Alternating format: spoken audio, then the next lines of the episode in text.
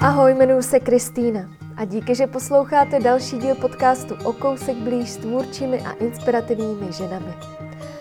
Podpořte podcast na Patreonu. To je místo, kde můžete svému oblíbenému tvůrci dát vědět, že vás jeho tvorba baví. Rádi byste, aby v ní pokračoval a klidně si za to i trochu zaplatíte. A já moc děkuji za to, že mi s mými složenkami pomáhá i Radka Markovičová, Darina Hladká a Kateřina Pavlíček.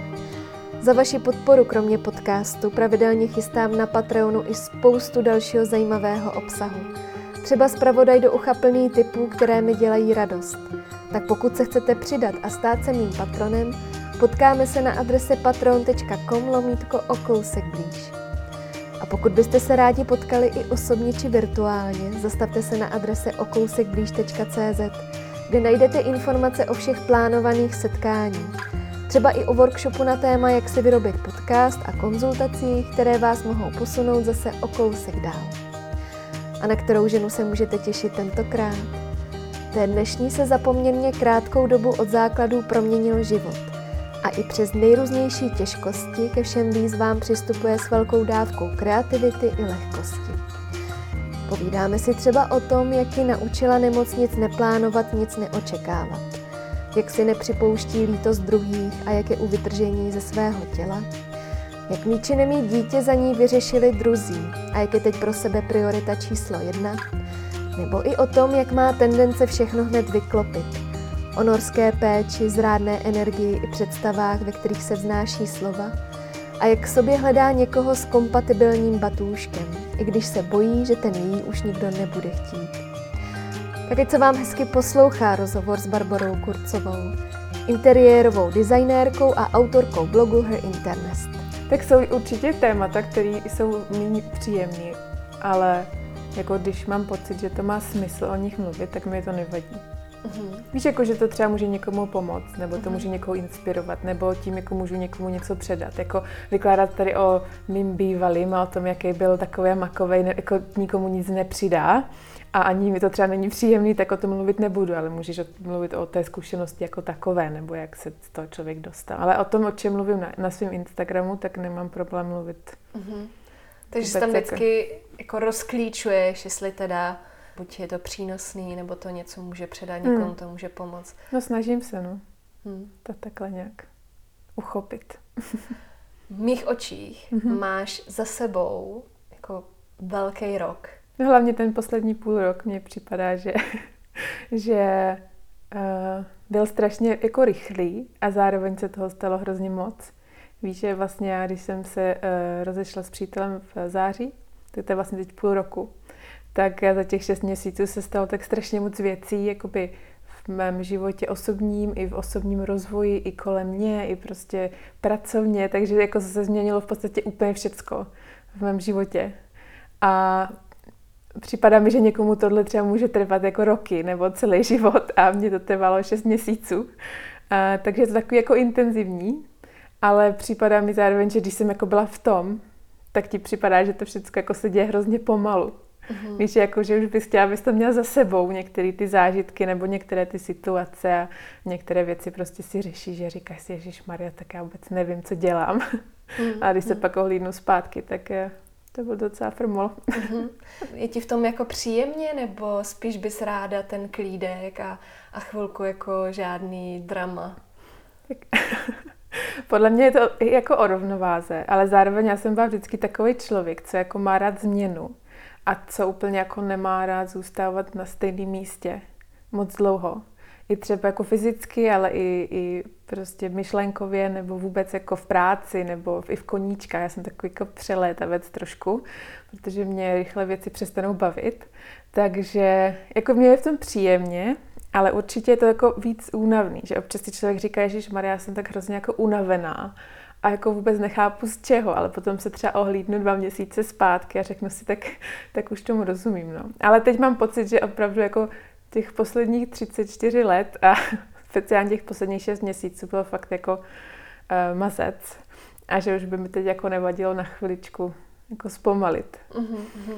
Ale, ale zároveň si myslím, že jako člověk svým přístupem a tím, jako jak se chováš a co jako vyhledáváš a co prostě um, chceš třeba v životě dosáhnout, tak to jakoby přitahuju k sobě ty, ty okamžiky nebo ty lidi nebo ty, ty situace. Takže když asi člověk jako je spokojený a jako nevyhledává to, tak oni se ty věci pak nedějou. Tak často. Uh-huh, uh-huh. Baru, vítám tě v podcastu O kousek blíž. Jsem ráda, že se potkáváme, že máš cestu z Norska na chvíli do České republiky. Ahoj, já moc děkuji za pozvání, hrozně jsem se těšila, že si popovídáme. Co jsi teda přitáhla teď v poslední době, ať to nějak osvětlíme vlastně, mm-hmm. o čem teď ten tvůj život je? No tak, eh, jak jsem říkala, rozešla jsem se s přítelem, takže teď vlastně šest měsíců jsem single a já jsem takový jako vztahový člověk, takže to je takový jako pro mě skoro poprvé, co jsem delší dobu sama. A hrozně mě to bavilo. Říkám bavilo, protože už mě to pomalu přestává bavit zase, ale uh, připadá mi, že jsem měla jako prostor se najít, takže jsem začala vydělat věci, které mě baví. Začala jsem bydlet sama ve svém malém bytě, který jsem si mohla zařídit podle sebe, což bylo úplně super. A tak jako poprvé v životě jsem měla pocit, že jsem jako na dobrém místě i jako mentálně nebo myšlenkově. Víš, jako že jsem byla fakt jako spokojená se sebou a s tím mm-hmm. životem tak, jak prostě je. A nemusela dělat ty kompromisy. A přesně, a nemusela. o to je to jednodušší. Ale zároveň jsem měla pocit, OK, tak teď, jako, teď je to jako fajn, víš, jako že teď, kdybych třeba jako zemřela, tak uh, bych byla spokojená, protože teď jako se mi, je mi fakt jako dobře uh-huh. v mém vlastním životě. Uh-huh. No a, no a pak jsem vlastně zjistila, že mám rakovinu. Uh-huh. Tak uh, to bylo, to bylo zajímavé. Uh-huh. Jak ti to zatřáslo se svým světem, tato zkušenost, tohleto zjištění? Na jednu stranu to byl samozřejmě šok, protože já jsem neměla žádný uh, příznaky v podstatě. A dělala jsem všechno pro to, co jsem měla, aby se mi tohle nestalo. Mm-hmm. Takže v tom to bylo asi šokující, protože člověk má jako pocit, že má kontrolu nad těmihle věcmi tím, že jako dbá na prevenci a stará se o sebe nějakým způsobem. Mm-hmm. A ono to pak jako stejně na konci může na tom nezáležet.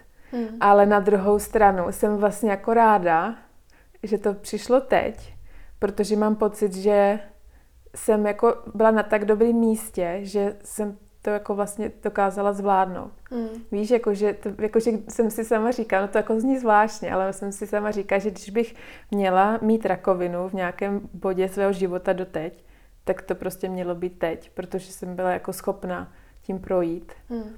a úplně se z toho nezbláznit. Mm, to mě teda hodně zaujalo, protože tohle už jsme jednou říkala, když jsme si povídali na Patreonu při live streamu, že když by tě měla rakovina potkat, tak kdy jindy než teď. Mm-hmm. Ty se na to cítíš silná? Nebo jak to, jak, jak to, že teď? Jak to, že vlastně teď je ta dobrá doba? Mm. No, asi, asi ano. Asi jako cítím se, že fyzicky třeba jsem na tom byla jako dobře. Víš, že jsem začala uh, líp jíst, začala jsem tancovat, dělat jogu, takže jsem měla pocit, že to tělo jako bylo na to jakoby připravené v podstatě, to jako mhm. zvládnout a projít tou celou léčbou tak, aby jako to nějak jako se zvládlo potom zase vrátit zpátky do původního stavu. Ale zároveň i, i jako, pro mě třeba osobně i bylo jednodušší to, že jsem byla sama. Mm-hmm. Protože jsem věděla, že to můžu jakoby zvládnout po svém. A že se nebudu muset na, ohlížet na ostatní lidi. Takže to podle, pro mě osobně to bylo jednodušší tady tím, mm. jako ta situace jako taková. I když většina lidí se na mě koukala jako chudáčku, ty máš rakovinu a ještě jsi jako single. Mm. Ale pro mě to bylo jednodušší. A zároveň i jsem byla jako mentálně taková jako stabilní. To jako zní, jako kdybych normálně byla labilní, ale víš, že jsem to měla tak jako v hlavě tak akorát srovnaný, abych si řekla, OK, tak tohle je jenom jako další problém, který se jako objeví v životě, který se nějak dá vyřešit a co s tím teď jako budu dělat. Hmm, a to je ta kreativita, viď? To je asi ta kreativita, no.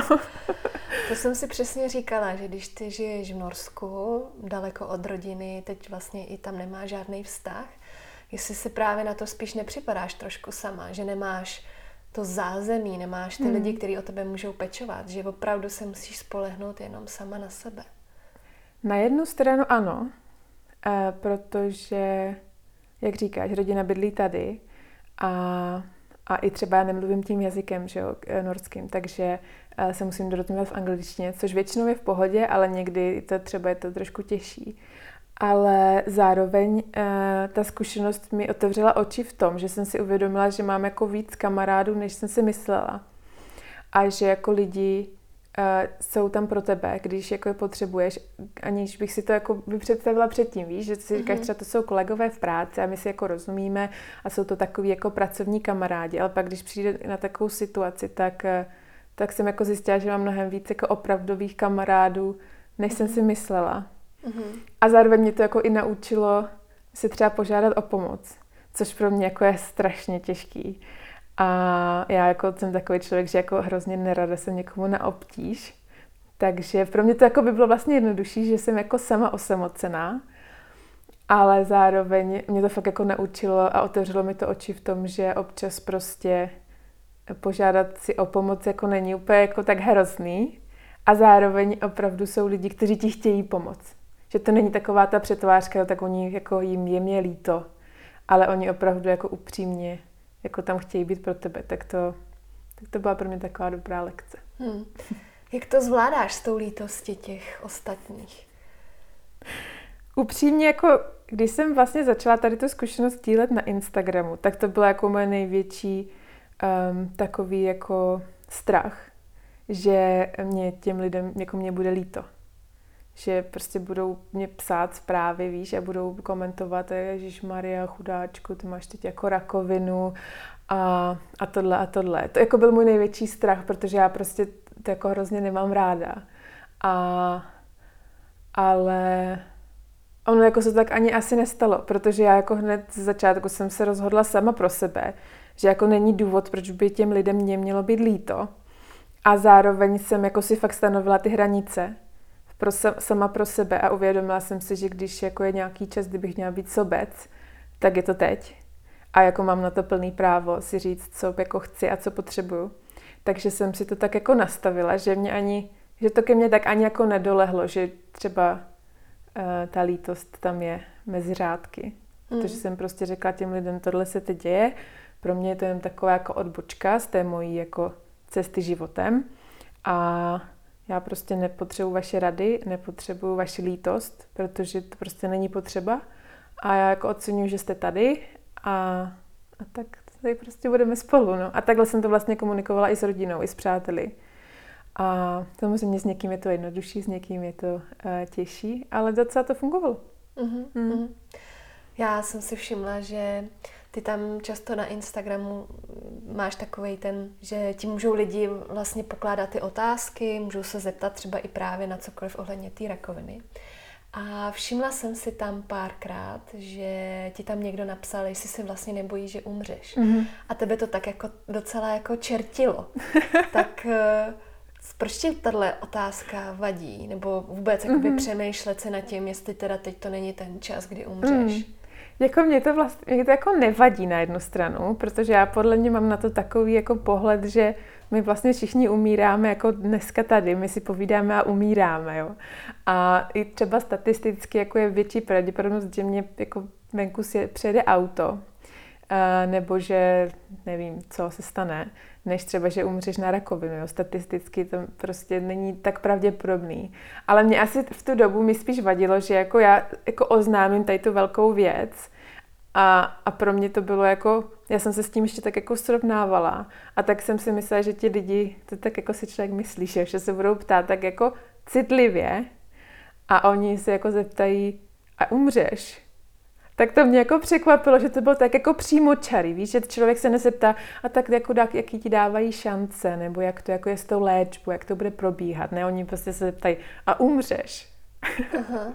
tak mně to přišlo takový jako zvláštní, asi ta forma, jako že, že ta empatie prostě tam jako úplně chyběla. Uh-huh. Ale zároveň, když potom, jako, protože to bylo jako hrozně na začátku, když jsem pak post, jako postupovala tou léčbou, tak mě vlastně došlo, že každý se s tím srovnává jinak a každý prostě to jako formuluje nebo to verbalizuje jinak a pro někoho je to tak strašně jako děsivý, že ho ani jako nenapadne vlastně třeba být trošku víc empatický, jenom to tak jako z něho vypadne ty otázky, protože Aha. prostě jako se vlastně o tebe bojí a potřebuje to vědět, jako takovou tu mm-hmm. jako definitivní odpověď.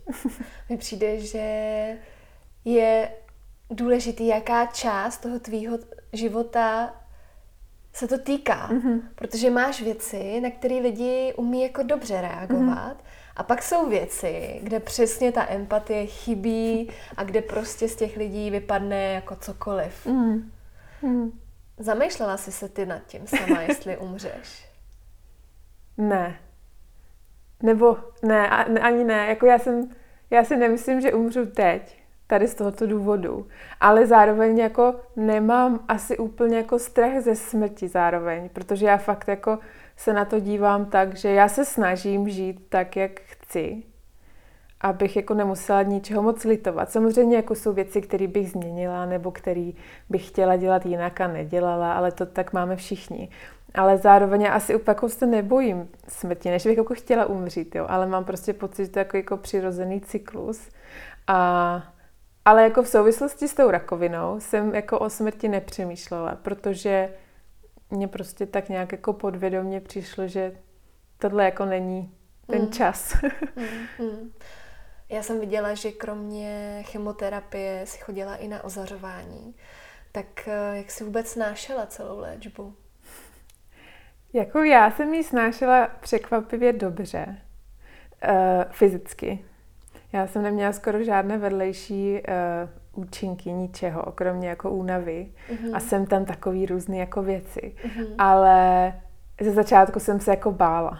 Uh-huh. To bylo asi jako nejzajímavější i třeba zkušenost že ze začátku, když jdeš jako po prvý, po druhý a nevíš, co tě čeká, je takový ten č- eh, strach z neznáma a zároveň máš takovou tu představu o tom, jako jak ten pacient s rakovinou vypadá a jako co se děje s tou chemoterapií a co se děje po ozařování a že ti teda jako vypadají vlasy a máš jako spálenou kůži a zvracíš a máš tady ty všechny představy jako z filmu i třeba prostě z médií nebo odkudkoliv, tak eh, jsem měla jako hrozný strach ty první, ty první, těch prvních pár dní, protože prostě nevíš, jako co mm. se děje vůbec. Mm. A zároveň ty připadáš, jako kdyby tě unášeli mimozemštění, protože ty stroje jsou prostě takový jako neuvěřitelný. Um, takže, takže to bylo zajímavý, ale potom až jako člověk vlastně zjistí, že jako se v podstatě skoro nic neděje a že tam jako jsou odborníci, kteří ví, co dělají a kteří jako chtějí, aby ti bylo co nejmíň nejhůř, jestli to dává smysl, mm-hmm. tak, tak se tak jako postupně uklidníš a potom vlastně i zároveň, jak jsem tam chodila každý den, tak chodíš ke stejným lidem. Takže už je to takový, jsou to takový jako známý tváře a jako postupně je to taková jako až jako rutina. Mm-hmm. A vůbec jako jsem nad tím moc jako nepřemýšlela. Mm-hmm. Ale, ale určitě jako jsou tam takový momenty, kdy prostě najednou tě někde něco zabolí, nebo najednou jako očekáváš, že ti nebude špatně po druhý, protože ti to jako nebylo špatně po prvý, ale ono jako je ti špatně po druhý. Jo.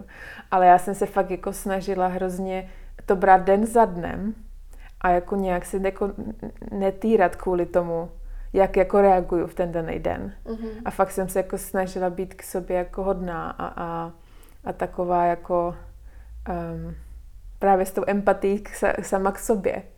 Že prostě to tělo dělá jako, co může a já ho jako nesmím soudit za to, že jako dneska je mu blbě a zítra je mu jako zase dobře. Jo. Takže hmm. já jsem to fakt brala jako den za dnem.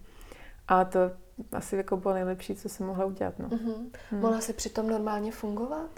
Ze začátku jo, protože vlastně ono tím, e, já jsem měla tu chemoterapii jednou za týden a potom to ozařování uh, vnější každý den. A ono se ti to jakoby nabaluje v tom těle. Takže ono, já jsem tomu říká, že mám takový jako malý Černobyl. uh-huh. v té děloze, protože ono to jako, to, ta, ta přímá radioaktivita i ta chemoterapie odchází po pár hodinách, ale ty účinky v tom těle jakoby zůstávají na, na dlouhou dobu. I třeba proto vlastně, jak jsem teď tu terapii celou skončila, tak oni kontrolují ty výsledky až po třech měsících protože ono to pořád ještě v tom těle jakoby uh-huh. funguje a ta oprava toho těla, ta regenerace a odumírání těch buněk pořád ještě jako probíhá. Takže ze začátku to bylo fajn. I ten první týden po té první chemoterapii jsem jako vítězoslavně šla na svoji hodinu kreslení a byla jsem jako hrozně šťastná. Říkala jsem si, jak je to super. Ale potom jako s, s týdnem po týdnu se to jako by zhoršovalo. Mm-hmm. A, a byla jsem prostě víc a víc unavená. No. Mm. To jako bylo takový hlavní jako hlavní změna, protože já jsem takový člověk, který má docela jako dost energie, že třeba večer ani jako nemůžu usnout, protože jsem ještě jako nevypotřebovala tu energii. A najednou ten mozek funguje pořád stejně, ale to tělo jako vůbec neposlouchá, takže to byla hrozně zvláštní zkušenost v tom, speciálně na konci, kdy já jsem třeba jako neměla ani energii, protože vlastně já jsem skončila to vnější ozařování a potom jsem měla ještě čtyři vnitřní ozařování, což jsou vlastně v plné narkóze, to je taková jako menší operace v podstatě. Mm-hmm. A, a potom to tělo je fakt jako unavený.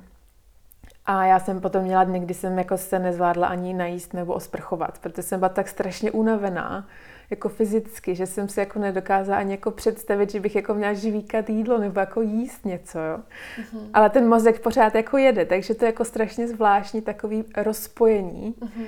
Že máš pocit, jako, že vůbec jako nemá žádnou kontrolu mm. jako nad ničím a jenom musíš to přečkat. A v tuhle chvíli jsi měla vedle sebe někoho, kdo ti pomohl? Ne, neměla. Neměla. Ona vlastně, moje sestra eh, přijela eh, v ten první týden, kdy jsem začala to eh, vnitřní ozařování. Potom moje nejlepší kamarádka přijela na pět dní, ale potom ty poslední dvě vlastně už jsem byla sama. Já jsem teda se jako přemohla a poprosila jsem svoje kolegyně, kamarádky, aby mě vyzvedli autem, abych to měla trošku jako pohodlnější. Takže to jsem jako zvládla. Ale teda úplně jako upřímně, jo.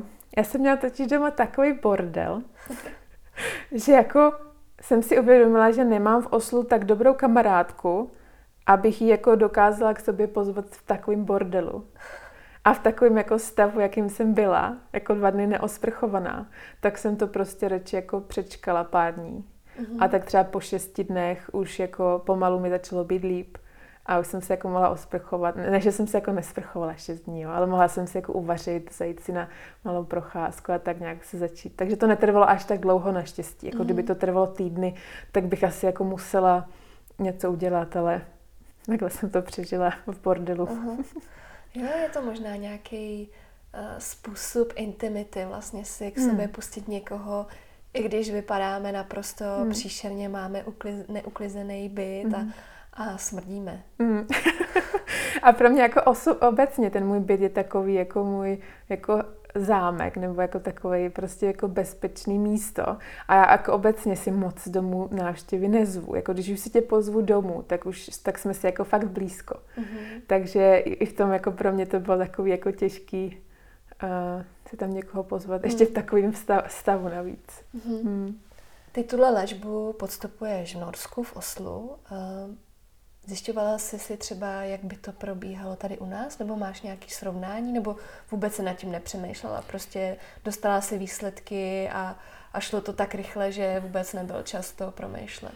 No v mém případě to šlo hrozně rychle, protože oni vlastně, eh, když eh, ty výsledky mi dali dva, tři dny před Vánoci zhruba, a už 6. ledna jsem začínala tu léčbu, protože ten nádor na tom děložním čípku byl docela velký. A tím, že já jsem chodila na tu prevenci, tak oni právě nevěděli, jestli to vyrostlo tak rychle mm-hmm. a je opravdu jako agresivní, anebo jestli to prostě někdo přehlídl, nebo, mm. nebo jako co, cokoliv se mohlo stát.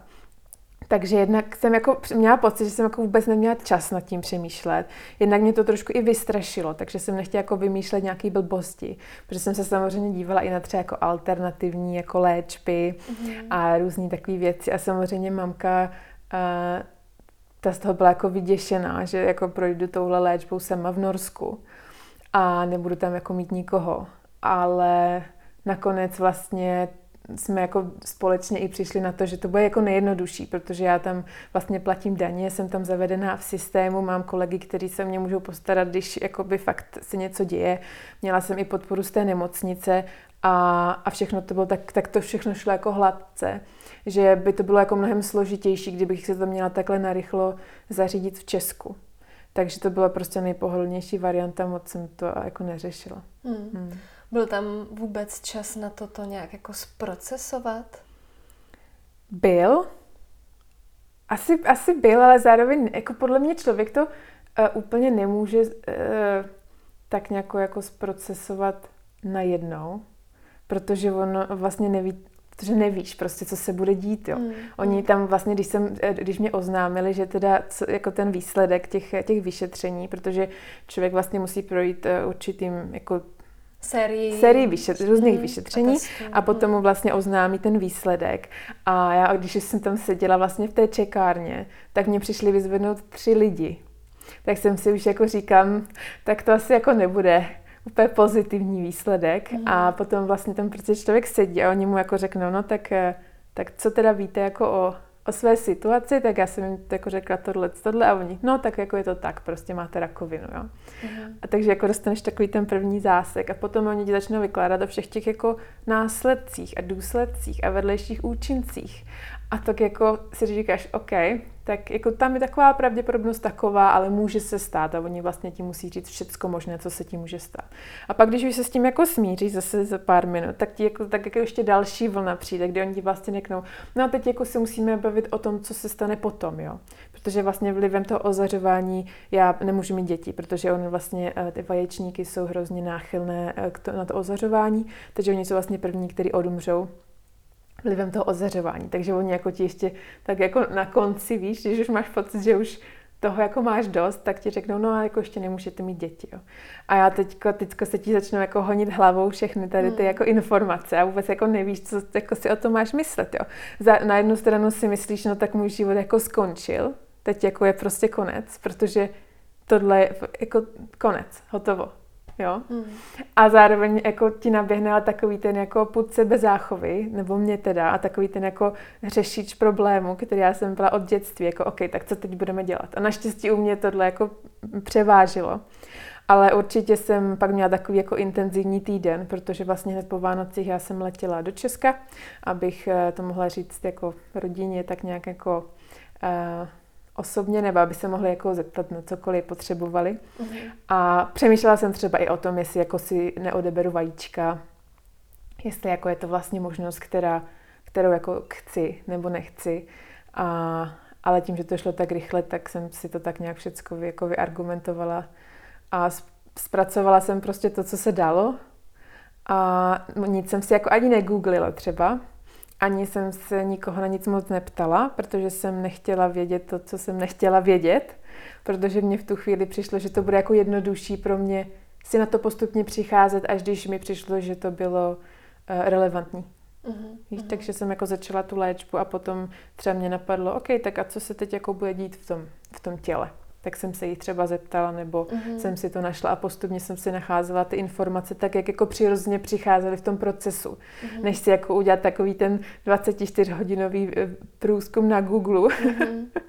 abych se jako vyděsila k smrti. Mm-hmm. Mm. No ale i tak přesto je to vlastně, jak když na tebe vylejou kýbl. Mm. Že to není právě asi jenom ta informace o té rakovině ne. jako takový, mm ale spoustu věcí kolem hmm. toho. A i třeba jako hlavně, to, mně třeba přišlo mnohem víc šokující poprvé, když jsem vlastně uh, přišla na ginekologii a ta ginekoložka mě vyšetřila a s chodou okolností, protože uh, já jsem vlastně šla ke ginekoložce, která byla Češka, i když v Oslu, což bylo jako, jako zvláštní, protože tím pádem jsem jako já věděla, že se jako nic nestrácí v překladu, mm-hmm. víš, že to, co ona říká, je fakt jako to, co ona říká, že tam jako není vůbec žádný prostor jo. pro interpretaci a ona vlastně udělala vyšetření ultrazvukem, říká, já vás jako nechci strašit, ale já se nedokážu představit, co jiného by to mohlo být, než je rakovina.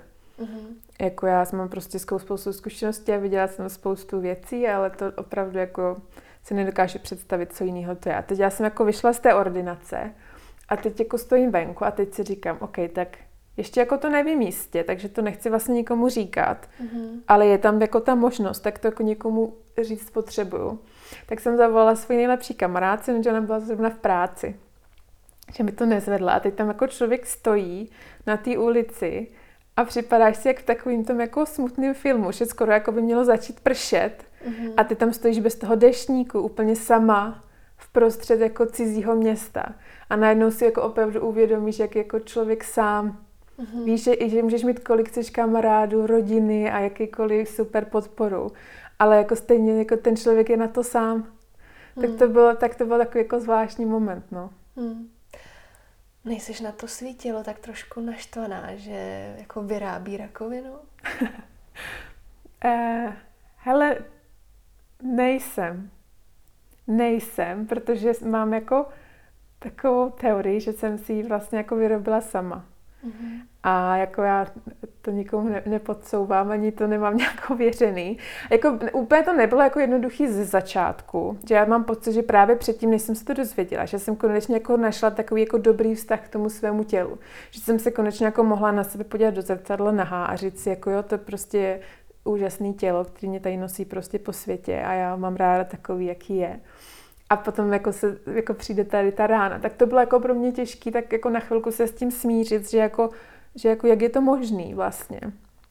Ale potom, si jako, potom jsem si uvědomila, že to tělo jako dělá, co může, aby třeba i se mnou komunikovalo. A já jsem ho třeba neposlouchala.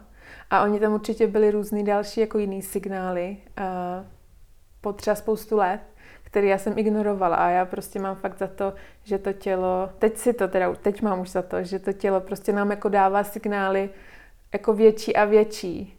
A když my prostě neposloucháme, tak nám dá prostě nějaký pořádný, aby nás fakt jako donutilo se zastavit a jako konečně se sebou něco dělat. Hmm. Takže jako já jsem jako hrozně vděčná za svoje tělo teďka a jsem fakt jako úplně u vytržení každý den, jak ono jako se s tím vypořádává. Víš, jako, že to fakt jako zvládá úžasně a fakt se jako snažím mu dávat, co potřebuje a spát a jíst a dodržovat pitný režim a tak, ale nejsem na něho naštvaná. Měla bych být na sebe naštvaná. Ono by mělo být na mě naštvaný vlastně. Hmm, hmm. Spousta lidí v momentě, kdy přesně takhle onemocní nějakou vážnou chorobou nebo mají třeba nehodu nebo cokoliv, tak všichni vlastně mluví o tom, jak se jim totálně přeskládal svět, změnil žebříček hodnot a tak. Děje se něco podobného i u tebe? Tak určitě, ale jako neřekla bych, že to je takový, že najednou jako je ze mě úplně jiný člověk. Spíš je to takový jako um, taková jako navigace, že prostě některé věci jsou najednou jako jasnější. Mm-hmm. A některé věci jsem si připomněla, třeba který už jsem si spoustu let říkala, že tohle dělat nebudu, nebo tohle naopak budu dělat. Mm-hmm. A teď najednou si říkáš, OK, tak, tak teď už ale fakt. Mm-hmm. Víš, jako že si uvědomíš víc takovou jako tu, um, že prostě tady nejsme jako na pořád, jo, že třeba tohle je fakt jako můj poslední den, nebo třeba mhm. zítra, nebo za týden, nevíš mm-hmm. prostě. Takže spíš si uvědomíš takovou, jako tu, def, takovou tu definitivu toho života, mm-hmm. jak to říct. Mm-hmm. A, takže to je taková jako navigace. Mm-hmm. Takový jako světýlko, který jako ti pomůže prostě tak nějak jako zúžit vlastně to vidění jo. v tom, že se třeba vydám tou cestou, kterou mm-hmm. fakt bych chtěla a nebudu tomu už jenom mluvit. Co se ti teda vyjasnilo? No určitě se, jako jedna z největších věcí, který, na kterou jako já si, si, jsem si teď stoprocentně jistá, je ta, jak je jako ta naše mysl je jako hrozně jako důležitá a jak je propojená s tím tělem a jak to třeba, jak my jako přemýšlíme o sobě a jak my k sobě mluvíme, má fakt jako dopad na to, jak to tělo fyzicky funguje. Já právě jsem si o tom i četla spoustu materiálů v průběhu té léčby, protože mě to jako zajímalo.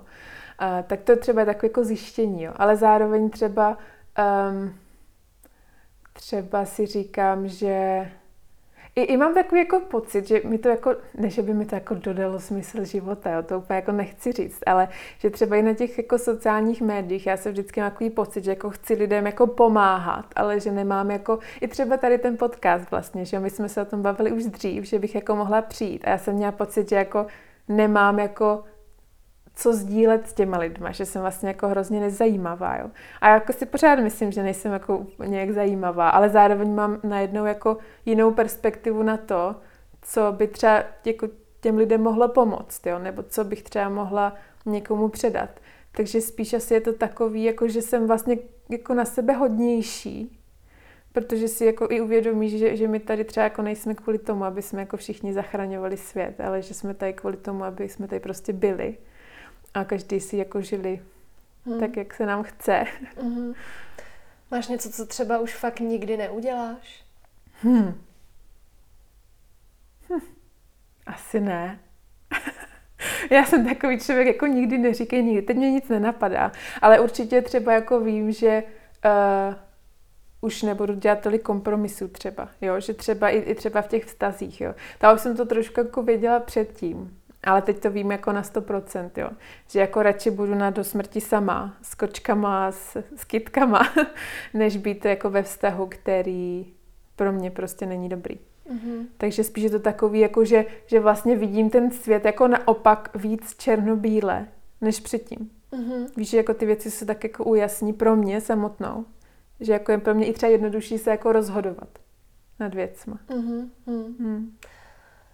To, že nebudeš mít děti, mm-hmm. to je vlastně jako velká věc, ne? Mm. Jak, eh, jak vůbec o tom přemýšlíš? Jako je to hrozně zajímavý, protože já teď už jsem jako na tím měla čas přemýšlet, protože teď vlastně jsem skončila tu léčbu, takže už je to nějakých 8 týdnů, 9, 10 možná od té doby, to jsem jako to zjistila. A já teda jsem jako si vždycky myslela, že nechci děti. Mm-hmm.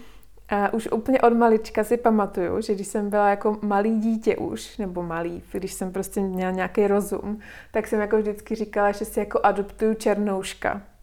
A vůbec jako nevím, odkud to jako přicházelo, protože tady jako v České republice nemáš úplně žádnou inspiraci k něčemu takovému. Ale já jsem měla takovou tu vizi, jako že si adoptuju toho černouška, že takhle to prostě pro mě jako bude. A potom, když jsem začala mít jako partnerský vztahy, tak jsem buď jsem byla jako mladá, moc mladá, anebo moc ambiciozní, anebo potom jsem jako byla s partnery, s kterými jsem si nedokázala představit ty jako děti mít. Mm-hmm. A nejsem takový člověk, který by jako je musel mít sama pro sebe. Takže já jsem jako byla takový jako člověk, který říkal, že jako nechci mít děti. Ale potom, když ti jako řeknou, že nemůžeš, tak se to jako trošku změní, protože oni ti jako vlastně vezmou tu svobodnou volbu. Mm-hmm. Víš, jako že si říkáš, já jsem jako člověk a já jsem žena a tohle je moje právo, tohle je moje jako je biologické právo v podstatě mít děti. To je jako moje jako funkce, to je jako v lidstvu, jo a se jako mm-hmm. reprodukovat. A já teď jako, oni mi to teď ode mě jako vzali a já už jako se nemůžu rozhodnout, protože já, oni to jako rozhodli za mě. Tak to mě asi jako na tom bolelo víc, než, než to, že jako je, jako mít nemůžu. Spíš to, že oni jako ti vezmou tu možnost. Že už prostě o tom vlastně není žádná diskuze. Mm-hmm. A na druhou stranu samozřejmě, ono to jako zní hrozně hloupě, jo. Ale potom jako moje největší jako takový jako problém, nebo taková jako starost byla, jako a kdo mě teď bude chtít. Hmm. Jo, jakože když jako půjdu na ten Tinder a budu si tam jako psát ten popisek, tak jako napíšu to tam rovnou, jako a co tam jako vlastně napíšeš, jo. Holka s rakovinou, co nemůže mít nikdy děti, jo. Jako, víš, on, na jednu stranu to zní banálně, ale na druhou stranu tohle byly jako myšlenky, které mě jako napadaly nejvíc a byly úplně takový jako akutní, ze začátku hlavně, teď už jsem se trochu klidnila, ale ze začátku to bylo fakt jako, a kdo mě teď jako bude chtít. Hmm. Hmm. Já vím, že kromě toho, že teda nemůžeš mít děti uh, ze zdravotního důvodu, tak, uh, tak si vlastně v poměrně mladém věku se i rozvedla. Mm-hmm. To je vlastně taky takový další stigma, který leží na tom čele a mm-hmm a člověk se to asi bojí komunikovat s tím mm. partnerem. no. A to jako toho je víc, jo. A jako samozřejmě já nad tím přemýšlím, jo. A třeba ten rozvod pro mě to bylo taková jako nej, jedna z největších životních proher vůbec, mm-hmm. protože moje mamka je rozvedená, její segra je rozvedená, i moje babička byla rozvedená a já jsem si prostě říkala, já se jako nikdy nerozvedu. Já prostě, to, já, já, to byl takový jako skoro jako projekt, jo že já teďka konečně si jako můžu od našich odstěhovat a já si vytvořím tu svoji rodinu a všechno to bude úžasný a já se nikdy nerozvedu. No samozřejmě to jako je úplně není nejlepší důvod, proč se jako vdávat. Hmm, ty jsi byla hodně mladá, veď? Mně bylo 23, mm-hmm. když jsem se vdávala, no. 25, když jsem se rozváděla, takže moc, no. A každopádně, no jako jasně, a teď já jsem ještě třeba jako potetovaná, že jo, a jako jsou jako další ještě jako různé věci, které já si jako sama jako sobě přidávám do toho jako bříměte, který si jako nesu. A občas si jako mám takový jako nutkání, když se potkám s někým novým, hned jako na začátku to všechno vyklopit, jo. Mm-hmm. Protože ta taková ta jako tíha, že se na to jako přijde, mm-hmm. je pro mě jako mnohem horší, než to, že bych jako to všechno jako vyklopila hnedka a on se ten člověk mohl rozhodnout, jestli teda jo nebo ne, jo. Takže jako určitě je to, je to taková jako další nálepka, no. Ale na druhou stranu jako já si říkám, že když jako potkáš toho pravýho člověka, tak jemu to bude asi jako jedno, jo. Protože podle, i speciálně jako teď, jako mě je 34, jako nikdo ne, nemá jako prázdnej ten batůšek, když je mu mm. 34, jo. Mm. Tak jak, jako spousta lidí je rozvedených, má děti nebo dělali nějaké jako rozhodnutí, mm. který úplně, na který nejsou pišní. Tak já doufám, že prostě akorát potkám někoho s jako s kompatibilním batůškem. Mm. mm. A to je tak jako jediný, co jako s tím nic neudělám, jo. Hmm. Mně třeba osobně pořád přijde, že jsem jako strašně mladá. Mně, mně je sice 30, ale pořád mám pocit, jak kdyby mi bylo třeba 20. Úplně takový jako pocit. Mm-hmm. Ale přitom mm, jako přesně během těch deseti let se toho, že jo, spoustu může stát. Můžeš přesně se rozvést, můžeš mít ty děti, může ti někdo umřít, jakože že vlastně spoustu věcí už tam mm. máš přesně nastřádaných. A je pak zvláštní, že čím jsi starší, tím je to jako náročnější vlastně komunikovat s těma no, novejma lidma, mm-hmm. který ti přichází mm-hmm. do mhm. toho života. Určitě. A to nejenom jako s partnery, to je třeba s kamarády, že ono i jako je náročnější eh, vytvářet nový přátelství v, v, v takovém věku, podle mě, než když ti bylo třeba 15. A tak je to takový, jako to postupně jako vytahovat na stůl a ty lidi jsou třeba jako hrozně překvapený a že to jsem nevěděla o tobě a teď jako ty nevíš, jestli jako tě teda soudí, nebo jestli to jako jenom zajímá, nebo jestli... Ale podle mě zase na druhou stranu je to takový jako dobrý filtr na to, mm-hmm. se jako zbavit lidí, který by v životě stejně jako nechtěla. Mm-hmm. Já říkám tak jako na, napřímo, ale tak, je to prostě síto. tak, no, takový síto. Mm-hmm. Protože jako já s tím jako nic neudělám, mm-hmm. jo. A samozřejmě jako, když jako jdu na to první rande s někým, tak jako si říkám, OK, tak kdy na to přijde řeč, jo? A jako řeknu to, nebo jako to řeknu, když se jako zeptá, nebo jako jak to jako řeknu, jo. Mm-hmm. Ale pak si říkáš, no tak ale ono to jako tak je prostě. Mm. Jo, de, jako nemůžu to zatajit, jako dejme tomu, že to jako se ten vztah jako povede a někam to jako povede a já bych se jako měla třeba znova vdát a jako tak kdy na to přijde, že jsem rozvedená jako v té svatební síni, kdy jako já musím předložit ten papír od soudu, že teda víš co, prostě jako neutajíš takové věci. Mm. A sype se z těch protějšků i takovýhle jako podobné věci. Já se to totiž vůbec nedokážu představit. Já jsem fakt randila jednou v životě a nemám v tomhle směru moc zkušeností. Tak jak to vlastně jako dnešní chlapy mají? Jakou, jakou s tím máš zkušenost? Jako taky vlastně z nich lezou takovýhle zajímavé věci? Jo, určitě. A hla, jako někdo to přizná hned, nebo přizná, a někdo to přizná jako potom, jo třeba někdo jako, já třeba jsem jako používá ten Tinder v Norsku, tam docela jako se to používá a někdo tam přímo si napíše, jo, jako je mi prostě 38 a mám dvě děti a mám je 50 na 50, jo. Mm-hmm. To je jako můžeš rovnou rozhodnout. A někdo ti to jako neřekne a řekne ti to třeba na druhým rande nebo na třetím a teď ty jako si říkáš, tak jako lhal mi záměrně, nebo to jako není lež. Víš, že to je takový i jako, že si sama v sobě musím jako srovnat, jestli to je vlastně jako lež, Mm-hmm. A nebo jestli to jako je vlastně přirozený, mm-hmm. protože tohle jsou jako velké věci a je to jako, jako intimní, jo, ale yeah. jsou to jako osobní.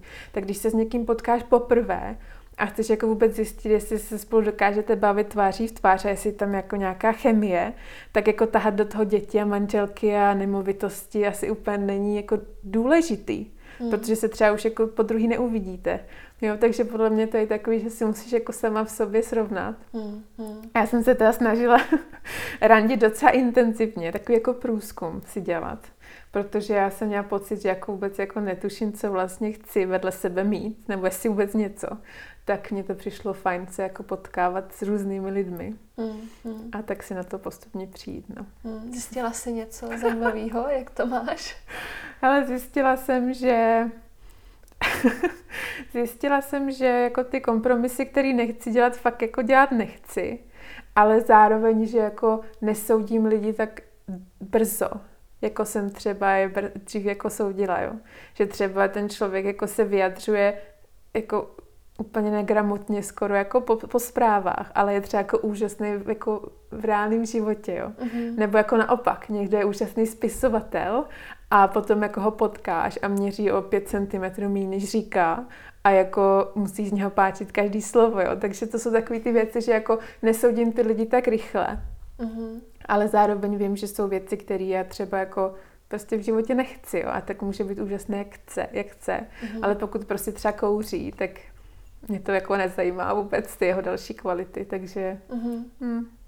To máš vytvořený uh, seznam věcí, který, přes který nejede vlak?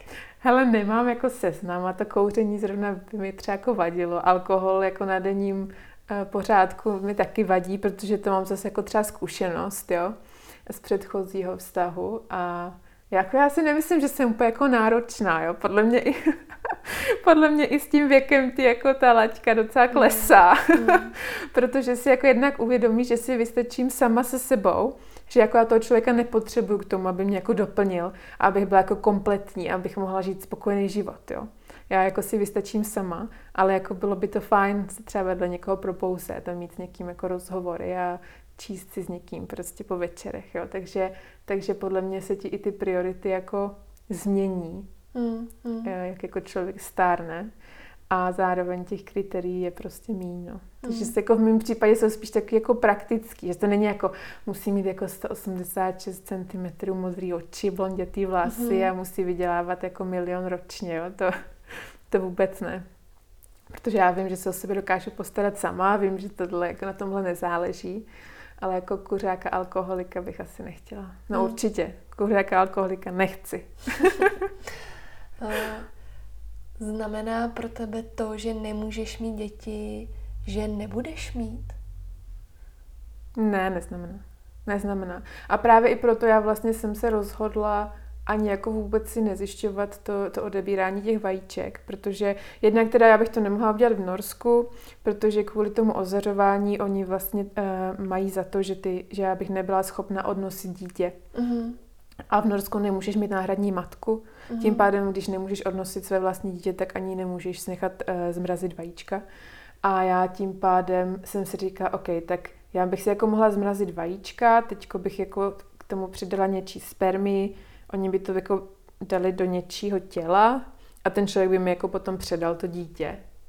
A pro mě jako ta biologická stránka toho není vůbec jako důležitá vlastně, takže tím pádem mi může člověk předat jako dítě úplně jakýkoliv. Takže pro mě to neznamená, že nebudu mít děti, ale nevím, jestli je budu mít. Hmm, hmm. A přemýšlíš se nad tím třeba teď jako aktuálně, teda když už vlastně víš, jak to je, mm-hmm. protože třeba i ta adopce je jako poměrně věc na dlouhý mm. lokte. Určitě no, ale jako já, pro mě to dítě jako není můj životní cíl a já bych určitě nechtěla mít sama. Mm. A tím, že jsem momentálně sama, tak jako pro mě je to jednoduchá matematika, já o tom jako vůbec nepřemýšlím, jo. Mm. Mm. Takže vůbec. Mm. A teď spíš přemýšlím o dalších jako mm. věcech, ale o těch dětech ne. Mm. Ty jsi zmínila, že ty testy, aby, aby vlastně se zjistilo, jak ta léčba byla úspěšná, tak je až za čtvrt roku mm-hmm. zhruba. Um, máš plán, co budeš sama se sebou dělat, aby si tomu třeba šla nějak jako naproti, aby tomu tělu dala co nejvíc prostoru, aby teda mm. se mohlo zregenerovat a tak? Mm. Jako určitě Určitě mám třeba i, i, i po té léčbě jako jiný pohled na, na práci jako obecně, protože já jsem takový ten člověk, co vždycky jako se cítil hrozně špatně, když jsem byla jako doma nemocná, protože za mě někdo musí dělat tu práci. Uh-huh. Ale jakmile jsem jako získala, jako dostala tady tu, mm, tady tu diagnózu, tak jako pak jsem třeba ten další den seděla v práci a říkala jsem si, o čem my se to tak bavíme, jo. To jsou prostě úplný blbosti. Mm-hmm. ale samozřejmě jako já mám ráda svoji práci, mám eh, ráda svoje kolegy, ale zároveň prostě vím, že já jsem pro sebe teď priorita číslo jedna a to už se jako nikdy nezmění. Takže já se určitě nebudu hnát jako zpátky do práce a oni ti to i jako doporučují, protože ty vedlejší účinky se můžou dostavit až rok nebo třeba dva roky po, po skončení té léčby. Jo. Mm-hmm. Takže ty si můžeš připadat jako najednou úplně super, protože jsi jako pryč z nemocnice, jsi pryč z toho kolotoče, těch injekcí a, mm. všeho možného. A najednou dostaneš takový ten příval energie, jako já třeba teď, jo. Já jsem byla strašně unavená poslední dva týdny, ale pak jsem se jako hrozně těšila do té Prahy a za rodinou a prostě za kamarády a, a tak. Takže teď, jako když jsem sem přijela, tak místo toho, abych byla vyčerpaná, tak mám pocit, jako, že mám hrozně moc energie. Ale ono je to právě strašně jako zrádný, protože člověk si říká, tak já už jsem ready. A já už teda půjdu jako do práce. A strašně často třeba lidi pak trpí syndromem vyhoření a mají takovou tu jako chronickou únavu jako na pořád, jo. Mm-hmm. Spousta lidí po léčbě právě rakoviny třeba se nikdy jako nedostane zpátky do práce, nebo nikdy jako nej, není na 100%, protože je spousta vedlejších účinků, který můžeš mít prostě na pořád. Mm-hmm. Jo. A tady právě uh, ohledně toho spodku v podstatě je to hodně jako ohledně střev a močového měchýře a tak, ale ta únava je takový jako hlavní syndrom prostě pro všechny, mm-hmm. protože ta radiace prostě únavuje to tělo tak, nebo to ozařování, že že je fakt jako unavený. No. Takže jako já do té práce určitě spěchat nebudu. A oni jsou jako strašně vstřícní v práci. Já jsem jako hrozně i ráda, že třeba se léčím v Norsku, protože tam vlastně, když jsi na neschopence, tak máš 100% eh, výplaty až do dobu jednoho roku. Uh-huh. Až do doby jednoho roku a nikdo tě nekontroluje. Uh-huh. Takže ty máš vycházky. jako, nemáš vycházky. No, tak já mám vycházky teďko, že jo. No, tak tady, a jsem tady v Praze. Tak, no tady u nás Já máš, že jo, na neschopence jako velmi přísný hmm. režim, kdy hmm. tě musí, kdyby hmm. náhodou hmm. vlastně zastihnout doma a, a přesvědčit se hmm. o tom, že opravdu doma ležíš hmm. a seš nemocná. Jenomže v Norsku mají prostě takový jiný přístup v tom, že oni jako chtějí, aby si dělala cokoliv, co můžeš, aby se mohla vrátit co nejdřív do práce. Uh-huh. Jo, takže když jsem třeba měla problémy se zády, tak jsem třeba chodila každý den jako do posilovny uh-huh. cvičit místo do práce, protože to mhm. bylo to, co bylo jako nejúčinnější na to, abych se jako mohla vrátit zpátky do práce. Mm-hmm. A tak stejně je to vlastně teď, takže oni jako i hrozně podporují právě, aby třeba cestovala někam za teplem, někam si prostě odpočnout, změnit prostředí, trávit mm-hmm. čas s rodinou, takže já mám fakt jako strašný štěstí, že jednak z té práce mě jako hrozně podporujou a našli vlastně na mě záskok až jakoby na snad na dobu jako jednoho roku. Mm-hmm. Takže fakt jako nemusím vůbec jako mít pocit nějaký jako viny, že, že za mě někdo dělá práci, ale že opravdu mi dávají ten prostor mm-hmm. se o sebe postarat a zároveň prostě ta norská vláda mi ten prostor jako dává taky, jo. takže si jako mám pocit, že mám jako hrozný štěstí v tom, že opravdu si jako můžu vzít ten čas mm. a strávit ho sama se sebou a, a potom opravdu, když už budu mít pocit, že jako to zvládnu, tak uh, pomalu začít uh, zase naskakovat do toho vlaku zpátky. Mm. Proč ty jsi tam vůbec tenkrát odjela do Norska? Chlap, samozřejmě. hmm. tak to asi jako bývá. No. Já jsem potkala norského muže v Brně a já jsem vždycky jako tak tíhla k, k Skandinávii hmm. a vlastně i tady jsem v, v Česku pracovala v IKEA ve skandinávské firmě, takže mě to tam tak vždycky jako lákalo z nějakého jako důvodu. Nevím ani úplně proč, ale tak nějak prostě takže když, eh, když po jako pár měsících jako tak toho dálkového vztahu on teda řekl, ať jako se přestěhuju, tak jsem si říkala, tak co, co jako je to nejhorší, co se může stát, že jo. A, jako nic vlastně. Mm. Tak jsem prostě se zbala odstěhovala, no. Mm. Úplně to nebyl jako můj nejlepší nápad v životě, protože on jako nebyl úplně nejlepší člověk, ale jako jsem za to ráda, protože teď jsem prostě v zemi, kde mám jako to štěstí, že mm. se můžu takhle jako léčit mm. bez stresu. Mm. Ale zároveň teď jako po šesti letech, co tam jako žiju a tím, že jsem asi i single a i třeba můj jako vztah s mamkou se hrozně zlepšil na poslední, za poslední dobu, tak teď jako poprvé za posledních šest let, co jsem letěla do Česka, jsem měla pocit, že letím domů. Mm-hmm. A úplně mě to jako teď, i teď jako mě to úplně dojímá a úplně mě to jako rozbrečilo doma, že jsem jako, že jakože za těch šest let jsem vždycky říkala, že jako doma je tam mm-hmm. a já jako letím do Česka za rodinou. Mm. Ale teď jsem jako zase měla poprvé pocit, že letím domů, tak, tak uvidíme. Mm. Máš plánu jet někam za tím teplem, aby si trošku odpočinula? Mám, no. Měla jsem teda původně plán jako do Itálie, což teď úplně nevypadá jako nejlepší nápad, mm. a, ale asi mám. Ale zároveň tady se teda krásně otepluje mm. a vypadá to, že brzo bude jaro, takže jako mě to přijde úplně super, protože já jsem si koupila jako jednosměrnou letenku do Prahy mm. a nemám vůbec žádný plán. Mm. A příští kontrolu u doktora mám, protože já vlastně tu neschopenku mám od svého obvodního lékaře, takže tam musím docházet jako pravidelně, tak příští kontrolu mám 8. dubna a do té doby vůbec nevím, co budu dělat a je to super. Je ti v tom příjemně, že nemáš ty plány? Je mi v tom jako hrozně příjemně, protože vlastně zároveň můžu dělat cokoliv a zároveň nemusím dělat nic a to je hrozně jako super. Taková jako svoboda Mm. A zároveň jako mě to nějak jako hrozně uklidňuje, mm. že fakt jako se můžu rozhodnout podle toho, jak se budu cítit. Víš, že třeba zítra mě bude líp a třeba za 14 dní mě bude super a můžu si cestovat někam k moři. Mm. A nebo nebude a zůstanu prostě tady. A nebo mi bude dobře tady a moře vůbec potřebovat nebudu. Jako je to fakt jako super. A ne, nezažila jsem to ještě nikdy v životě. Mm. Že bych měla takovou jako svobodu dělat jako cokoliv. Mně přijde, že je vždycky potřeba, aby přišlo něco zvenčí, aby my vlastně jsme se vůbec do tohohle stavu dokázali hmm. dostat. Že tohle normálně nejseš schopná podle mě jako si nastavit. Vůbec ne, to je taková jako utopie, že já mám teď jako hrozný štěstí, že vlastně dostávám svou jako plnou výplatu a nemusím pracovat, jo.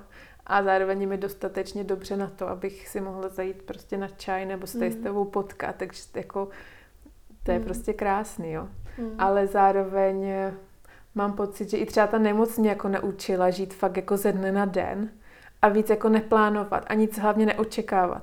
Protože fakt jako nevíš, jestli to zítra jako bude, jo. Mm. Což zní hrozně depresivně, ale nevíš, jo. Třeba mm. spadne kometa nebo cokoliv.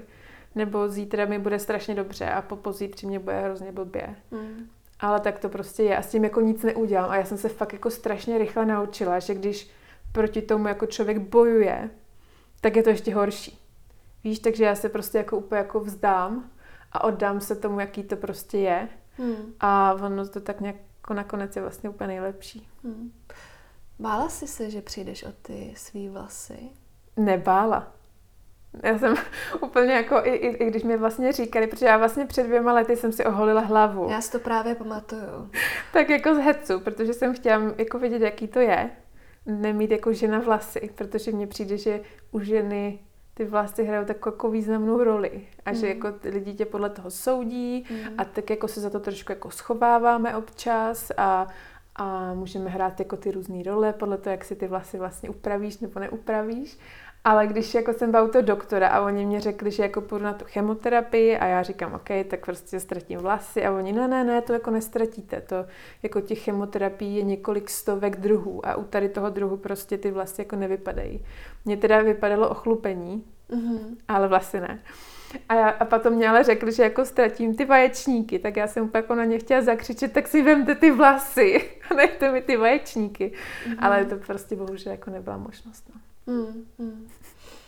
Když jsme se nedávno povídali na, na téma kreativita nejen na Instagramu, tak uh, jsme pak přišli na jednu zajímavou věc, že ty nemáš vizuální představivost. No asi nemám, jako. Já, já si pořád ještě jako připadám jako blázen, protože mě to vlastně nikdy nedošlo, ale když jsme se o tom spolu bavili, tak jsem to začala tak jako stopovat zpětně. A vlastně, protože ono to začalo i tím, jak ty se z mě ptala, proč já si vlastně kreslím, nebo jsme se bavili, že já si mm-hmm. kreslím všechny nápady, jo. Mm-hmm. Mě když jako něco napadne, tak já si to hned musím jako zaznačit, jinak jako to zapomenu. Mm-hmm. Ale to je prostě asi proto, že ten můj mozek úplně jako nefunguje v obrázcích, takže já když si to nezapíšu nebo nenakreslím, tak si jako nedokážu vůbec jako zapamatovat. Jo. Mm. A já jsem si právě dělala takový test, kdy vlastně tam je škála od nuly do desítky, tak já podle mě jsem tak třeba jako jeden a půl, jo, že občas jako mám takový jako záblesky, ale když mi řekneš, jako představ si jablko, tak já prostě jako nevidím jablko v hlavě, já prostě nevidím vůbec jako nic, jo. Mm. Ono se to jmenuje afantázia. Mm-hmm. A já, když jsem si o tom něco studovala, tak uh, je moc hezký přirovnání. Když si třeba uh, pořídíš nový byt, tak vlastně jak tam pracuješ s tou představou, jak to tam bude vypadat. Mm to by tam v té hlavě nic neběží, že jako když přijdeš do té prázdné místnosti, tak já třeba když zavřu oči, mm-hmm. tak úplně vidím, jako kde, mi, kde mám ten gauč a jaký poštářky na ně mám a, a kde mám ty kitky a co bude na té zdi a, a že tohle bude hezký stoleček a budu mm-hmm. ho mhm. takhle různě přesouvat. A vlastně dokážu si v té hlavě... A ty to jako vidíš. Já to vidím. Já vyloženě jako dokážu si udělat scénář, prostě úplně vidím barvy, vidím tvary, vidím tu místnost zařízenou mm-hmm. tak, jak vlastně jako A mně to přijde fakt jako úžasný, protože mě až jako do asi minulého měsíce nedošlo, že ty lidi to fakt jako vidí. že když říkáš, že si to jako představíš, že to opravdu jako vidíš. Já to jako vidím ve slovech v podstatě, takže jako mě jako běží ty jako ty popisky těch věcí, ale já nevidím jako ten obrázek, to se mm. hrozně blbě vysvětluje. Ale zajímavé je, že já vlastně jako skoro 10 let pracuji jako interiérový designér, jo? Mm. Což bych vůbec jako neměla být schopná. Mm. Ale já třeba nejsem úplně jako dobrá v kombinování barev, nebo třeba v takovým tom jako konceptuálním, jako architektuře, dejme tomu, to jako mm. úplně nezvládám. Ale já jsem jako zase hrozně dobrá jako v řešení problému a v, v, v, jako v splňování různých funkcí, které ty potřebuješ v tom bytě. Takže to je, to, to jako ta moje cesta je vlastně naopak. Mm-hmm. Takže já, když vidím ten pokoj, tak si řeknu, OK, tak já, tohle je ložnice, budu potřebovat postel, postel je třeba 160 na 200, tady to změřím si, prostě a to třeba já si dokážu jako docela dobře měřit věci, jo. Tohle je jako 240, tak tu postel si dám tady takhle, to je 160, teď na obou stranách mi zbyde 40, tak tam budou dva noční stolky, jo. Takže já přemýšlím jako víc jako matematicky a zároveň funkčně. Uhum. A mně to nikdy dřív nedošlo, ale vždycky mě říkali lidi, jako ty úžasný, jak ty jsi jako kreativní, ale máš takový jako logický myšlení. Jako praktická. Ale mně vlastně pak došlo, že já mám jako jenom to logické myšlení, ale tím, že jak já jsem tak jako strašně jako zaměřená na řešení problému, a, a ten mozek mi funguje docela rychle, tak já si to jako dokážu vykalkulovat, jako kdyby, uh-huh. co by bylo jako nejlepší vlastně, která židle by byla nejlepší. Ale vždycky jako začínám třeba u těch rozměrů funkcí, že potřebuji jako čtyři židle, jo. Uh-huh. Tak ta židle je takhle velká, takže budu potřebovat takhle velký stůl a tady tolik místa. Uh-huh. Pak jako si vyberu tu barvu, uh-huh. až tak, jako si kupuju tu židli. Tak já to vidím sice ten obrázek, ale tohle mi přesně chybí a můj muž pak je ze mě úplně šílený, protože přesně ta praktická stránka tam absolutně jako chybí a, a všechny centimetry tam náhod, náhodně jako zmizí a, a prostě objednaná věc tam pak nepasuje a podobně. Ono to mezi kreativcema a umělcema není úplně nic jako eh, zvláštního. Je spoustu umělců, architektů, mm-hmm. který tuhle tu vlastně vizuální, je to vlastně porucha vizuální mhm. představivosti. Mm-hmm. Tak kdo to má? Mě akorát teda strašně překvapuje, že ty jsi opravdu jako kreativec. Ty máš mm-hmm. třeba svůj Instagram, to je tvůj projekt, eh, máš to pak spo, spojený s tím blogem a to je prostě založený jako na já tam jako vidím, nebo když vlastně jsem poprvé třeba viděla tu tvoji tvorbu, tak přesně jsem si řekla, tyjo, tak ta vlastně má jako velkou vizuální představivost, protože než to vyrobí, než to mhm. udělá, než to vymyslí a, a vlastně mm, zapojí se třeba, když se ráda zapojíš mm. do nějakých těch výzev, tak vlastně vůbec by mě nenapadlo, že ty to jako nemáš, tu věc. Ale ono je to jako fakt jako zajímavý, protože u mě třeba většina fotek nebo většina i obrázku, třeba i když já maluju, já strašně ráda teď třeba kreslím a maluju, tak to vždycky začíná, jako nikdy to nezačíná vizuálně, jako očividně, ale vždycky to začíná jako nějakou myšlenkou, Mm-hmm. Nebo nějakou jako zprávou, nebo nějakým jako pocitem, nebo jako nějakým slovem, víš? Mm-hmm. A tak je to stejně u těch fotek, že já třeba chci jako říct tou fotkou, že že třeba, já nevím, jo, že třeba na lajkách nezáleží, jo, že třeba jako ten jeden like uh, má takovou a takovou roli. A teď jako já teda chci těm lidem sdělit tu zprávu, ale zároveň vím, že jako fotka je za tisíc slov, že jo, tak to chci jako sdělit tou fotkou. Tak si řeknu, OK, tak, jaký, tak jako, jak, jak by to mohlo vypadat. A teď mi jako v hlavě začnou jako lítat takový jako klíčový slova. Víš, jakože kdyby si znamená dělal brainstorming prostě na mhm. tabuli, uh-huh. Eh, k nějakému jako fotce, kterou jako nevidíš. Jo. Takže já si řeknu, OK, tak like, tak to je jako to srdíčko, je tam ta jednička, je to jako červený, tak má to jako nějaký tvar, tak červený. Tak co je červený? Tak listy jsou červený, jablko je červený, tohle je červený. Tak možná bych mohla jako mít eh, spoustu červených jako objektů a nějak to jako sformovat do tvaru srdce. Jo? A pak už mě to začne jako takhle lítat prostě. Mm. A pak jako v nějakém bodě se to propojí a, a já to prostě jako vytvořím, no. Mm. Ty jsi nikdy neměla chuť ten, ten svůj projekt přetavit v něco, co by tě živilo? Jako měla určitě. Takový jako, to tak jako přichází a odchází a zároveň, když jako člověku rostoutí jako sledující, tak si říká, mm, tak teď jako mám 10 tisíc, teď už jsem jako vlastně slavná, jo. Ale nejsi samozřejmě, že jo. To je takový, jako všechno taková iluze. Určitě mě to jako napadlo a některou dobu jako víc nebo míň. Občas to souvisí s tím, jak jako mě moc štve nebo neštve moje práce. a, ale pak jako si vždycky řeknu, že mě to jako baví a hrozně mě jako na tom baví ta svoboda ta svoboda, že já si jako můžu říct, co chci, kdy chci, to jako je pro mě hrozně důležitý. Takže když nechci nic říkat, tak třeba měsíc nic, nebo i měsíce nic neříkám. A pak třeba něco říkám každý den. A ono je to prostě jako fajn, protože to je jako hmm. jenom moje. Takže já mám takovou jako obavu, že jako nejsem dostatečně slavná na to, abych si tohle mohla dovolit a někdo mi to za to platil. Hmm. Ale naprosto se jako nejsem ochotná se toho vzdát. Mm-hmm. Takže když občas jako přijde nějaká nabídka na spolupráci nebo na nějaký projekt, který jako zapadá do těch mých kolejí, tak jsem jako ochotná a schopná ho přijmout. Ale jinak mě to vlastně vůbec jako nezajímá. Protože pro mě to jako je takový jako bezpečný kreativní svět, který já jsem si vytvořila v době, kdy mě jako bylo fakt blbě, jako psychicky. A tak nějak ku podivu i jsem u toho zůstala, protože už ho mám podle mě přes tři roky, což jako jsem nikdy u ničeho tři roky nevydržela. A zároveň prostě to je tak jako silně propojený s tím mým, že tohle je moje a nikdo mi jako do toho nebude mluvit, že hmm. jako je hrozně těžký pro mě se toho vzdát. Hmm. Hmm. To by tam nestresuje takový to, jako že musíš pořád naplňovat očekávání těch druhých?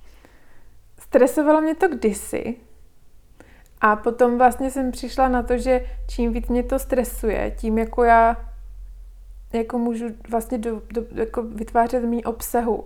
A tím jsem jako vlastně horší pro ty lidi. Takže jako jim to vlastně nic nepřidá, protože čím víc já se tím stresuju, tím méně já jsem schopná vytvářet a tím méně se s nimi chci vůbec bavit. Protože mám pocit, že musím. Mm-hmm. A takže já jsem si tak jako časem přišla na to a i jsem se třeba jako rozloučila s tím, že jako mě třeba ti sledující nějak jako někam porostou, jo. A pro mě prostě v nějakou chvíli to najednou bylo to, na čem mi záleží. A, a tak jsem se s tím prostě srovnala. Víš, mm-hmm. jako, že pro mě fakt jako je důležitý mít tu svobodu a mít to... A jasně, já chci, aby oni byli jako šťastní, ale zároveň jako to je takový jako nějaký výměný obchod, jo. Já tě udělám šťastnou, ty mě uděláš šťastnou a my si jako děláme šťastný navzájem. Takový jako vztah vlastně, jako, jako smlouva. A nebude mít jako smysl vůbec, abych já se tam jako to pořila s nějakým obrázkem nebo s fotkou, který jako se mi ani nelíbí, ani mi nic mm-hmm. jako mhm. nedává. Mm-hmm. Protože jim to pak taky nic nedá. Mm-hmm. Jenom jako proto, abych jako já teda něco vytvořila. Mm-hmm. Mm. Myslíš, že kreativita je něco nekonečného? Myslím si, že jo. Myslím si, že jo. A zároveň si myslím, že a já se snažím to jako pořád lidem opakovat, že kreativní je jako úplně každý. Protože pro mě opravdu kreativita je řešení problému novým způsobem. A podle mě zároveň jako, to se tak jako ví, že jako není, žádná originální, uh, není žádný originální nápad. Všechno už tady nějak, jako nějakým způsobem bylo jako už jako třeba i selfiečka, že jo, když se podíváš, nevím kolik stovek let jako do, dozadu, tak ti umělci se taky jako malovali tady ty portréty a tak, tak vymysleli selfiečko, že jako neměli foťák, jo. Takže já se na to koukám, takže to je taková jako kreativní recyklace. Mm-hmm. A zároveň si myslím, že kreativní jako je a může být úplně každý. Jo, třeba když je člověk jako doktor a musí vymyslet něco, uh, trošku jinak, protože každý tělo je trošku jiný, tak jako musí být kreativní, že? nebo když je někdo uh, kuchař a najednou mu dojde ingredience a musí vařit bez receptu, tak je kreativní, protože vymýšlíš něco, co předtím jako neexistovalo mm. a ty se teď jako najednou vyřešil, jo. Mm. Takže já jako se dívám na kreativitu jako takový jako, jako hrozně dostupný nástroj úplně pro každýho. Mm. Kdekoliv seš, cokoliv máš nebo nemáš. Mm. Jak pracuješ s inspirací? Inspirace je pro mě zrádná občas, protože často mám pocit, že tě může ovlivnit až moc.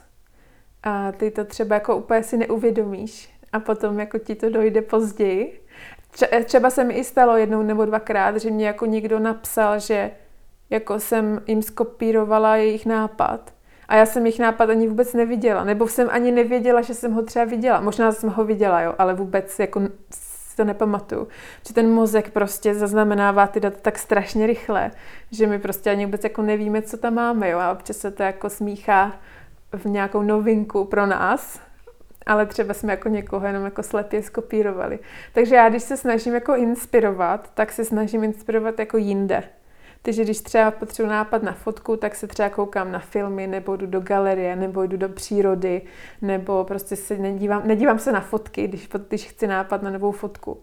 Nebo když chci nápad na novou uh, kresbu, tak se zase třeba budu dívat na fotky, protože tam mě prostě může něco trknout do oka. Takže tak pro mě osobně to je takový, jako be, taková bezpečná inspirace, kdy můžu jako pak s čistým svědomím říct, že jsem to asi jako vymyslela nějak mm-hmm. sama. mm-hmm. Takže máš tam pravidla, jak, jak vlastně k tomu, no, jak k tomu jako přistupuješ. Asi, asi, asi jako se snažím trošku, no, protože, protože, a zase záleží, jo, když si kreslím pro sebe, tak je mi úplně jedno, jestli někoho skopíruju nebo nekopíruju, protože je to pro mě a já se jako na tom učím kreslit, mm-hmm. jo. Mhm. Ale když je to něco, co chci s lidmi sdílet jako moje, tak mi fakt záleží na tom, abych jako mohla s čistým svědomím říct, že je to moje. Hmm, hmm. Hmm. Já vím, že ty ráda tvoříš vlastně ve svých volných chvílích, o víkendu a tak. Jak, jak to najednou jako se stane, že uh, prostě si vezmeš papír a začneš něco dělat, začneš mít chuť něco tvořit? Jako já mám takový asi štěstí, že jako já toho dělám docela dost Uh, já, já jako vždycky říkám, že jako já nejsem v ničem výjimečná, ale že jsem jako ve strašně moc věcech průměrná. A tím pádem jako mně se málo kdy stane, že jako nemám co dělat, nebo že mě něco přestane bavit, protože můžu jako hrozně jednoduše přeskočit na něco jiného. A zároveň uh, pořád jako být kreativní. Takže občas jako je to to kreslení, ale když mě to jako unaví, tak třeba pletu, protože tam zase ten mozek funguje úplně jinak. A je to spíš taková jako meditace, protože se na to musím soustředit, abych to jako nepokazila, protože nejsem ještě úplně takový jako profesionální pletař. A potom, když jako tohle mě nebaví, tak zase jdu třeba psát, jo, nebo, nebo kreslit, nebo jsem zkoušela keramiku. A jako já jsem vždycky byla taková jako zvídavá, mě hrozně jako baví se učit věci a tak jako dobývat ty jako nové světy, jako ve všem, všem možným, jo. Já jsem takový jako člověk, co se natchne a já se dokážu třeba jeden den natchnout nějakou teorií o, o černé hmotě a dokážu prostě několik hodin sedět a číst si jako o, o, o nějakých vesmírech nebo o úplně jako nějakým tématu, který s ničím nesouvisí. Ale pro mě to všechno jako je vlastně spojený s tou kreativitou a s tím, jak ten mozek jako je zvědavý a funguje mm. a chce prostě se naučit něco nového. Mm, mm. Máš to i v jiných jako oblastech svého života? Že jsem zvídavá? Mm-hmm. No ve všech. ve všech. Já mám takový jako, jak, takový jako pravidlo, že člověk by měl všechno zkusit aspoň jednou. E, jako pak, když jako ne, ne pak, když neubližuješ někomu jinému, jo. Mm-hmm. Takový jako pravidlo. Podle mě, pokud nikomu neubližuješ, můžeš si dělat, co chceš. A takže jako já ráda zkouším nový jídla a nový nápoje a nový mm. věci. Já myslím, že to máme jako i s mamkou společný, že vždycky, když mm. se jako na trhu objeví nová příchuť, tak, tak my jsme ti, kteří si to kupují a nikdo jiný to nekupuje, protože jako jsme hrozně nadšený, že jako něco někdo vymyslel. Mm. A takže určitě já to mám jako ve všech oblastech. Já jsem podle mě byla jako vždycky takové zvídavé uh, dítě, které mm. řešilo problémy. I už jako odmala, když jsem sdílela pokoj se svými dvěma sourozenci a se je o deset let mladší a pak o tři roky mladší brácha, tak tam už to začalo jako to, to řešení, víš, jako jak ty pokoje rozdělit, jak jako si to zastínit, abych měla to soukromí, jo. Tak jsme prostě šibovali tím nábytkem pořád dokola, tak já jsem podle mě byla taková vždycky. Hmm. Baru, jsi ráda, že jsi holka? Jsem moc ráda, že jsem holka. Je totiž k tomu napadá jedna věc a to, že spousta žen, který uh, přijdou vlastně o možnost mít dítě, počít ho, odnosit ho a porodit ho, tak uh, se cítí méně ceně. Hmm. Jako pro mě je to taková jako zajímavá cesta, protože já jsem vlastně nikdy úplně nebyla holka, holka. už jako od malička, jo. Já jsem byla takový jako, jako kluk. Mm-hmm. I tím, že jsem podle mě třeba zvídavá, já jsem jako nikdy neměla ráda jako škatulky obecně, jo. Mm-hmm. Že jako tohle dělají holky a tohle dělají kluci, jo. A tohle nosí holky a tohle nosí kluci. Takže jako já jsem měla jsem takový holčičí období, ale měla jsem jako spíš klučičí období. A až teď mi vlastně přijde, že když jako jsem jako dospělá nějakým způsobem, asi jako v očích eh, veřejnosti, tak, eh, tak teprve jako nacházím to své ženství a jako co to vlastně je a jak jako to vlastně není jako na obtíž a že to neznamená, že jako nemůžeš hrát fotbal a že to neznamená, že jako musíš nosit sukně a že jako nos, nemůžeš, no, víš, takový ty jako, takový ty jako konstrukty prostě společnosti, že až teď jako přicházím na to, co to jako vlastně znamená jako být žena, že je to spíš jako o energii a třeba o tom, jak asi přistupujeme k věcem. Já si úplně jako nejsem stoprocentně jistá ještě, jestli jsem na to přišla. Každopádně si určitě nepřipadám méně cená, protože podle podle mě, jako my tady uh, jsme všichni na té planetě sami za sebe a nemáme jako žádný úplně jako tady účel, jo. Jako já neberu to, že jako můj účel životní je jako plodit děti a mít jich tolik a tolik a rozmnožit se a zachránit planetu, jo. Já jsem prostě tady sama za sebe a pro mě to má smysl. A jestli to jako, jestli já prostě někomu jinému připadám, že jako jsem se ztratila svůj účel, tak jako sorry, ale hmm. jako já jsem to jako člověk, jo. Hmm. A to, že jsem žena, je prostě super, ale jsem tady prostě jako člověk sama za sebe, no. Hmm. V čem ty vidíš vlastně úplně jako největší svoji sílu? V čem se cítíš nejsilnější? Hmm.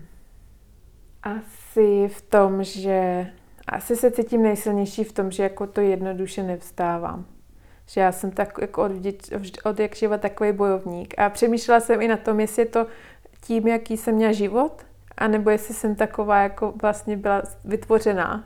Mm-hmm. A jako nedokážu to rozklíčovat, jo. Že i když jako přemýšlím nad tím, když jsem třeba měla dětství, jako ve svém dětství, kdy jsme třeba neměli uh, peníze často a teď já jsem jako nemohla mít to oblečení, jako měli ostatní.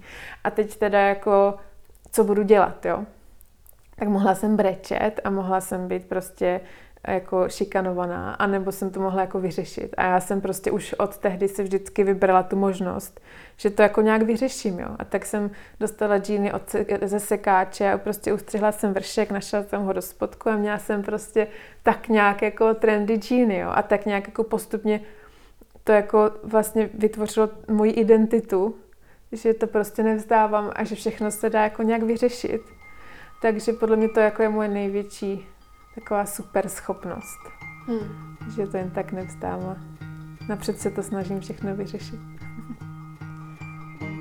Tak jak se vám naše povídání líbilo? Napište mi o tom a dejte mi vědět, jak to máte se svými plány vy a jak to vypadá, když se snažíte žít tak, abyste ničeho nelitovali. Pokud byste chtěli Barboru pozdravit, podpořit nebo je něco hezkého povědět, Najdete ji jako Her Internet na Instagramu nebo na herinternet.com. A zastavte se i na adrese okousekblíž.cz. Kromě tvůrčích žen tu najdete i spoustu příležitostí, jak se podpořit, osobně se potkat nebo se něčemu novému přiučit. Pokud se vám podcast líbí, budu ráda, když ho budete sdílet se svými blízkými. A když mi dáte vědět, jaká témata či ženy byste si rádi poslechli, nebo jak bych mohla podcast vylepšit, ať už komentářem či zprávou na Instagramu nebo poštou na buďmezavináč okousekblíž.cz. Také mě potěší, když budete podcast ve vaší oblíbené aplikaci odebírat a na iTunes mi necháte krátké hodnocení. A budeme si o kousek blíž i na Facebooku, Instagramu či Patreonu, kde se můžeme vzájemně podpořit a kde pravidelně dávám vidět o všem, co nového se chystá. Tak se těším zase příště.